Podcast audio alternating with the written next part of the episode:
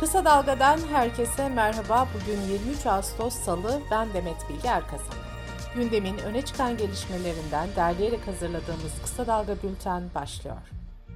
Cumhurbaşkanı Erdoğan, dünkü kabine toplantısının ardından ekonomiye ilişkin açıklamalar yaptı.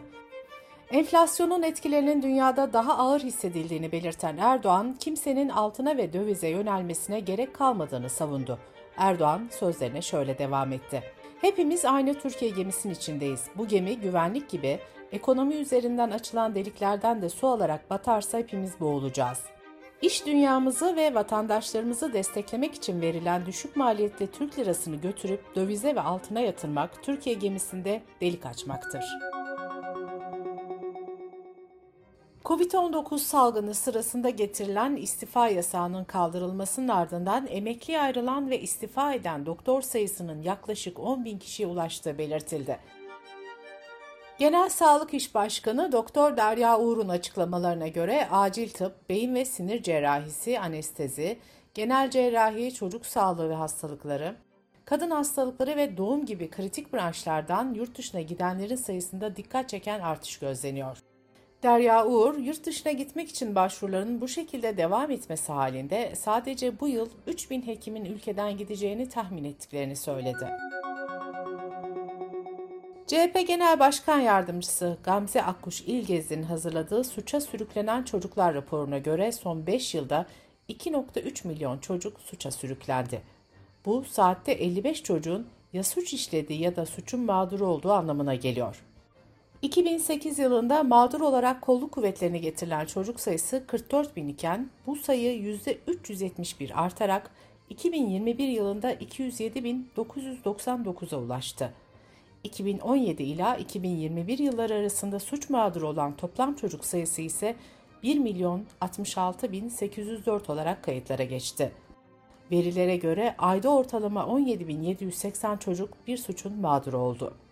Son 5 yılda dikkat çekici bir diğer veri ise 22.538 çocuğun göçmen kaçakçılığı suçundan güvenlik birimlerine getirilmesi oldu. Ayrıca sahtecilik suçunu işleyen çocuk sayısının da 10.710 olması dikkat çekti. Mardin'in Derik ilçesinde 20 Ağustos'ta 20 kişinin yaşamını yitirdiği trafik kazasına ilişkin yayın yasağı getirildi. Belgelere göre yasak kararı toplum sağlığı, milli güvenlik, kamu düzeni, kamu güvenliği ve suç işlenmesinin önlenmesi amacıyla alındı. HDP sözcüsü Ebru Günay kazadan sonra yaptığı açıklamada kazaya neden olan tırların Cengiz Holding'e ait olduğunu ve uzun zamandır bakımlarının yapılmadığını söylemişti.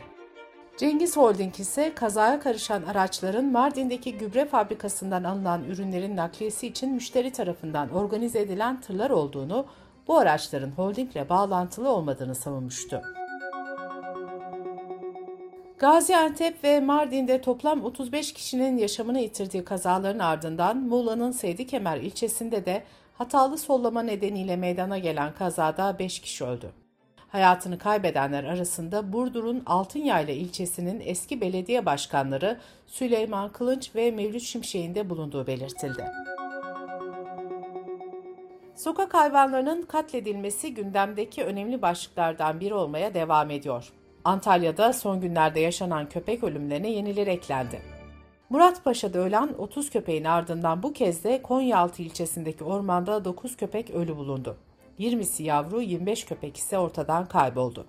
Bu arada sokak hayvanlarının yerlerini göstererek katliamlara yol açtığı belirtilen Havrita uygulamasının erişimi de mahkeme kararıyla engellendi.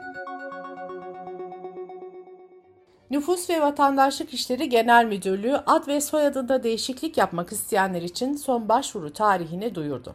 Buna göre genel ahlaka uygun olmayan, gülünç olarak değerlendirilen, yazım ve imla hatası olan ad ve soyadlar için değişiklik başvuruları 24 Aralık'a kadar yapılabilecek. Yaklaşık 30 yıl önce Akçakoca sahiline vuran Lenin büstü kaldırıldığı belediye deposundan kayboldu. Akçakoca Belediye Başkanı Okan Yanmaz mutlaka bulmaya çalışacağım dedi. 1991 yılında Sovyetler Birliği'nin dağılmasıyla denize atıldığı ve bu şekilde Akçakoca sahiline geldiği tahmin edilen Lenin büstünün sahile vurduğu dönemde Akçakoca'da belediye başkanı SHP'li Hüseyin Yanmaz'dı. Hüseyin Yanmaz sahilde bulunan ve kendisine ulaştırılan Lenin büstünü belediyenin deposuna kaldırmıştı. Sırada ekonomi haberleri var. Türkiye İstatistik Kurumu verilerine göre tarımsal girdi fiyatları Haziran'da bir önceki aya göre %7.92, bir önceki yılın Aralık ayına göre %81.07 ve bir önceki yılın aynı ayına göre %134.96 oranında arttı. Yıllık artışın yüksek olduğu alt gruplar ise sırasıyla gübre ve toprak geliştiriciler ile enerji ve yağlar oldu. TÜİK verileri işçilerin ücret artışlarının enflasyonun altında kaldığını gösterdi. Sanayi, inşaat, ticaret hizmet sektörleri toplamında saatlik kazanç endeksi 2022 yılı ikinci çeyreğinde bir önceki yılın aynı çeyreğine göre %56.2 arttı. Ancak bu artış tüketici enflasyonunun altında kaldı. Yine TÜİK'in verilerine göre tüketici enflasyonu Nisan'da 69.97, Mayıs'ta 73.50 ve Haziran'da ise 78.62 olarak gerçekleşmişti. Kamu şekerinin tüketiciye ucuz fiyatla ulaşması için 2022 Ocak ayında faaliyete geçirilen raf fiyat garanti sistemi bazı illerde geçim kapısı haline geldi. Dünya Gazetesi'nden Hüseyin Gökçe'nin haberine göre ucuz şekerin haberini alan bazı gruplar marketteki şekeri 15 dakikada bitiriyor. Ardından da bu şekeri küçük imalatçılara satıyor. Bu yüzden şeker ihtiyacı olanlar ucuz şeker kalmayınca mecburen daha pahalı olan şekeri tüketmek zorunda kalıyor. Temmuz ayında otomotiv sektörü üretimi önceki yıla göre iyi bir performans gösterse de bu yıl kaydedilen seviyelerin gerisinde kaldı. Otomotiv Sanayi Derneği verilerine göre Temmuz'da sektörün toplam üretimi 93.659 adet oldu. Böylelikle Ocak ayından bu yana ilk kez sektör 100 bin adedin altında üretim gerçekleştirdi. Türkiye'nin 81 ilinde bulunan 3 market zincirinde çalışan işçiler örgütlenme faaliyeti yürütüyor. En son şokta çalışan işçiler maaşlarının en az 7500 lira olması talebiyle kampanya başlattı. Diske bağlı Sosyal İş ve Mağaza Market Sen'inde destek verdiği eylemde işçiler arkadaşlarını hem sendikalı olmaya hem de taleplerine sahip çıkmaya çağırıyor. Kültür ve Turizm Bakanlığı verilerine göre Temmuz ayında Türkiye'ye gelen yabancı sayısı geçen yılın aynı ayına göre %52.84 artarak 6 milyonu aştı. Bu yılın ilk 7 ayında Türkiye'ye gelen ziyaretçi sayısı da geçen yılın aynı dönemine göre %128.28 artarak 23 milyon 30 bin 209'a ulaştı. Dış politika ve dünyadan gelişmelerle kısa dalga bültene devam ediyoruz. Rus istihbaratı Rusya Devlet Başkanı Putin'in beyni olduğu iddia edilen Rus milliyetçisi Alexander Dugin'in kızı Darya Dugina'nın öldürüldüğü bombalı saldırı konusunda Ukrayna istihbaratını suçladı. Rusya Federal Güvenlik Servisinden yapılan açıklamada saldırının Ukrayna Güvenlik Servisi tarafından hazırlandığı ve hayata geçirildiği savunuldu. Açıklamada saldırıyı düzenleyen kişilerin daha sonra Estonya'ya gittiği belirtildi. Zelenski'nin danışmanı Poldolyak ise saldırıyla ilgilenin olmadığını açıklamıştı. Ukrayna'da 24 Ağustos'ta kutlanan Bağımsızlık Günü yaklaşırken Devlet Başkanı Zelenski kutlamalar öncesi yayınladığı mesajında ihtiyatlı olunması çağrısında bulundu. Rusya'nın özellikle çirkin ve saldırgan bir şey yapmaya çalışabileceğinin farkında olmalıyız diyen Zelenski, bağımsızlığının 31. yılını kutlayacak Ukrayna için önümüzdeki haftanın çok önemli olduğunu dile getirdi. Pakistan'ın eski başbakanı İmran Han hakkında güvenlik güçleri ve yargı sistemi çalışanlarını tehdit etmek gerekçesiyle soruşturma açıldı. 2018'de seçimleri kazanan ve başbakan olan Han, son dönemde orduyla bazı anlaşmazlıklar yaşamış ve muhalefetle de haftalar süren gerilimin ardından parlamentodaki çoğunluğunu kaybetmişti. Nisan ayında muhaliflerine karşı haftalar süren mücadele sonrasında güven oylamasıyla görevden alınan Han, o dönemden bu yana sıkça hükümeti ve orduyu eleştiren açıklamalar yapıyor. Irak'ın Kerbela vilayetinde Şiilerin kutsal saydığı İmam Ali bin Ebu Talip türbesinde göçük oluştu. En az 8 kişinin hayatını kaybettiği belirtildi.